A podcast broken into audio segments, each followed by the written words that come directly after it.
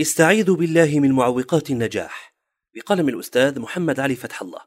من مقالات العدد الثالث عشر من مجلة رواء في محور التزكية. رجب 2443 هجرية. شباط فبراير 2022 للميلاد أسباب عدم القدرة والانطلاق والرغبة في النجاح والحيوية والشعور بالمسؤولية ثمانية. الهم، الحزن، الجبن، البخل، العجز، الكسل، غلبة الدين، قهر الرجال. هذه الأسباب الثمانية متزاوجة. أربعة في الروح معنوية أو نفسية وأربعة في البدن حسية. أربعة من ذات الإنسان وأربعة خارجية. فهي لم تبق شيئا من العوائق العظمى لا من نفس الإنسان ولا مما يأتيه من واقعه ومحيطه وظروفه إلا ذكرته. الأسباب الأربعة النفسية. هي الهم والحزن والجبن والبخل وتنقسم إلى زوجين. اثنان متعلقان بالموقف من الشيء والأحداث واثنان متعلقان بالتصرف بالدوافع على الفعل. الهم والحزن. السببان النفسيان المتعلقان بالموقف هما الهم والحزن. والهم هو الحال النفسية المحبطة نتيجة اليقين بعدم القدرة على مجابهة المتطلبات المستقبلية. مثل هم كراء الدار وهم تزويج الأبناء. والحزن يكون عادة على فوات الفرص الضائعة أو أخطاء الماضي. مثل الحزن على عدم الاكتتاب في الشركة الفلانية أو على بيع أرض بثمن غير مجز أو على فرصة ضاعت وعلى خطأ فعلته. والحزن في القرآن يستوعب كل أنواع الانكسار والألم النفسي من وجع على ما فات أو وجع على ما يستقبل. ومما يؤكد ذلك قوله تعالى لكي لا تأسوا على ما فاتكم ولا تفرحوا بما آتاكم وقوله الذي أذهب عنا الحزن وقوله لا خوف عليهم ولا هم يحزنون الهم والحزن يدمران القلب ويدمران الإنسان ويفقدانه القدرة على الفعل الصحيح فلا يبتسم حيث يجب أن يبتسم ولا يقرر حيث يجب أن يقرر ويتحول إلى سفينة راكدة فوق الماء لا تبتعد عن خطر ولا تقترب من فرصة. الجبن والبخل السببان النفسيان المتعلقان بالفعل والإرادة والعزم على الفعل هما الجبن والبخل والجبن غير الخوف فالخوف حال نفسية تؤثر على العقل والقلب.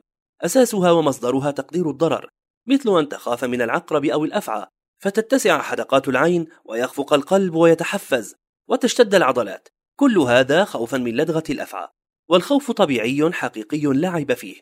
لكن المهم هو ما بعد الخوف وهو إما الإقدام أو الإحجام. فإذا كان الإحجام خاطئا فهو الجبن. كأن تخاف من سطوة السلطان والموقف يتطلب كلمة حق فتحجم ويكون ذاك جبنا.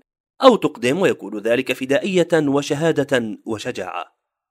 الشجاع في كثير من المواقف يكون خائفا بدرجة خوف الجبان نفسها لكن عقله لا يتعطل بمشاعر الخوف الطبيعية وهذا المعنى لا ينتبه له كثير من الناس.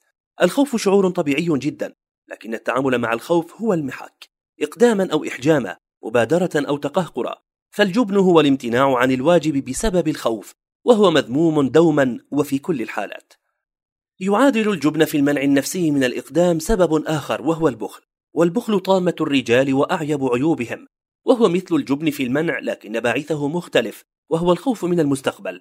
والهلع من الفقر والحاجة التي يعد بها الشيطان الرجيم. حب المال وترشيد إنفاقه في حده المعقول غريزة في الإنسان. لكنه إذا وصل إلى حد يحجم فيه عن أداء الحقوق ويمنع فيه ما يجب عليه من نفقات يكون حينها في الحالة التي تعيق عن النجاح والإنجاز والفاعلية.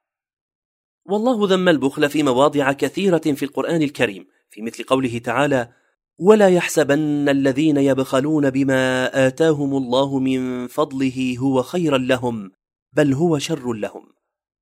وقوله تعالى الذين يبخلون ويأمرون الناس بالبخل. ولعل من أعجبها قوله تعالى ويمنعون الماعون. فلماذا يمنع إعارة ما ينتفع الناس به ثم يعيدونه إليه؟ وهو لن يخسر شيئا بل سيكسب ثناء الناس واحترامهم. خلاصة الأسباب القلبية. إذا سلم قلب المرء من حزن على ما فات ومن هم على ما يستقبل ومن جبن يمنع من المعالي والمغامرة المحسوبة ومن بخل يمنع تقديم أي نوع من الموارد لتحريك الطاقات والأفعال من قبيل ابتسامة أو إعارة أو ساعة عمل أو نصيحة أو مال إذا سلم قلب المرء من هذه الآفات الأربع فأي شيء يمكن أن يعيقه؟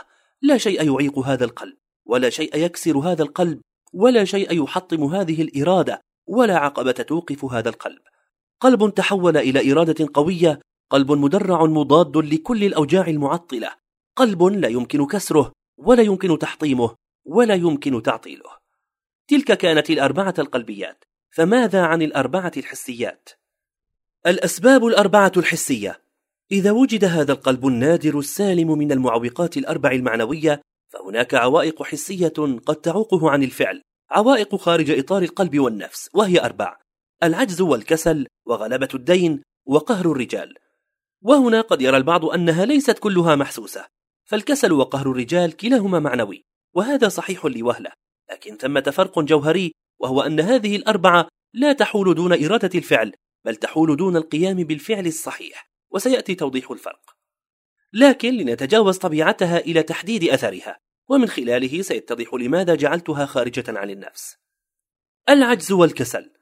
العجز فقدان القدرة الطبيعية في البدن فقدان البصر أو السمع أو الفهم أو الحركة. كل هذا عجز وقد يكون في الموارد والمتاحات. والاستعاذة من العجز تتضمن الاستعاذة من عدم القدرة على تجاوز العجز الحسي. وإلا فكثير ممن ابتلي بالعمى أو الشلل أو فقد الأطراف وصل إلى أعلى درجات العلم والعمل. أما الكسل فهو يؤدي لمؤدى العجز في المحصلة النهائية. فما الفرق بين المتعلم والأمي إذا كان المتعلم لا يوظف علمه؟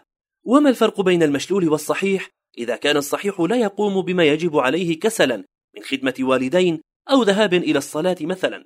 الكسل لا يتعلق بعزم القلب على فعل الشيء فقد لا يكون القلب مشغولا بهم ولا بحزن والموقف ليس فيه جبن وبخل والقلب متشوف في أعلى درجات التفاؤل والخلو من الإحباط لكن ذلك كله يتحطم على صخرة الكسل.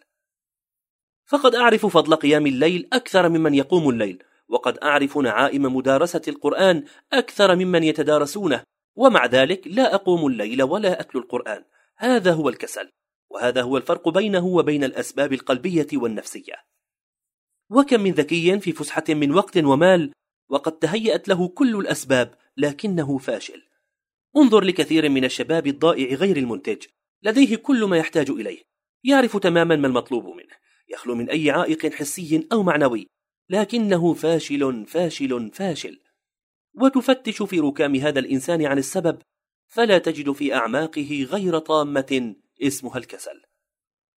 الكسل من أقبح العيوب ولا يكاد يعترف به أحد لكنه سبب حقيقي وقاسم مشترك بين الفاشلين برهم وفاجرهم ذكرهم وأنثاهم بلا استثناء. وفي المقابل فإن الناجحين والمبدعين والذين ترمقهم العيون نشيطون مجتهدون. وبالطبع إدمان الكسل يتحول لطامة كبرى ويبدأ الكسل في الاختباء خلف أسباب تبدو حقيقية فترك قيام الليل يختبئ خلف أهمية النشاط في الصباح الباكر لأجل العمل وهجر القرآن يختبئ خلف الأعمال المعتادة فالعجز والكسل ذاتيان أي من الإنسان نفسه. غلبة الدين وقهر الرجال. بقيت خصلتان خارجتان عن إرادة الإنسان تحولان دون الفعل وهما غلبة الدين وقهر الرجال. المدين الذي عليه دين نوعان مدين حر ورع أنيف النفس رقيق الحس مرهف الشعور كريم خدوم عطوف حيي شديد الحياء. وهذا المدين لا ينام ولا يشرب ولا يبتسم ولا يضحك ولا يطعم حلاوة ولا يجد سلوى حتى يقضي دينه. وهذا القلق من الدين يجعل صاحبه أسيرا عاجزا مكسور القلب حائر الطرف معقود اللسان كليل اليد. ومدين آخر لا يستحي لا ترف له عين ولا يخاف مسبة ولا يكترث لسداد. عين وقحة وقلب غدار طوي ونفس لئيمة تتسول الناس وتستجديها فهذا ليس موضوعنا.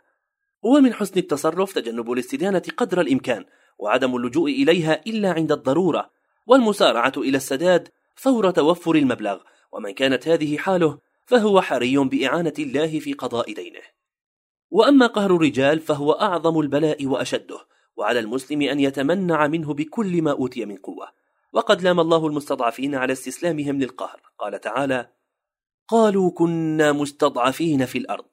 قالوا ألم تكن أرض الله واسعة فتهاجروا فيها؟ هذا هو قهر الرجال.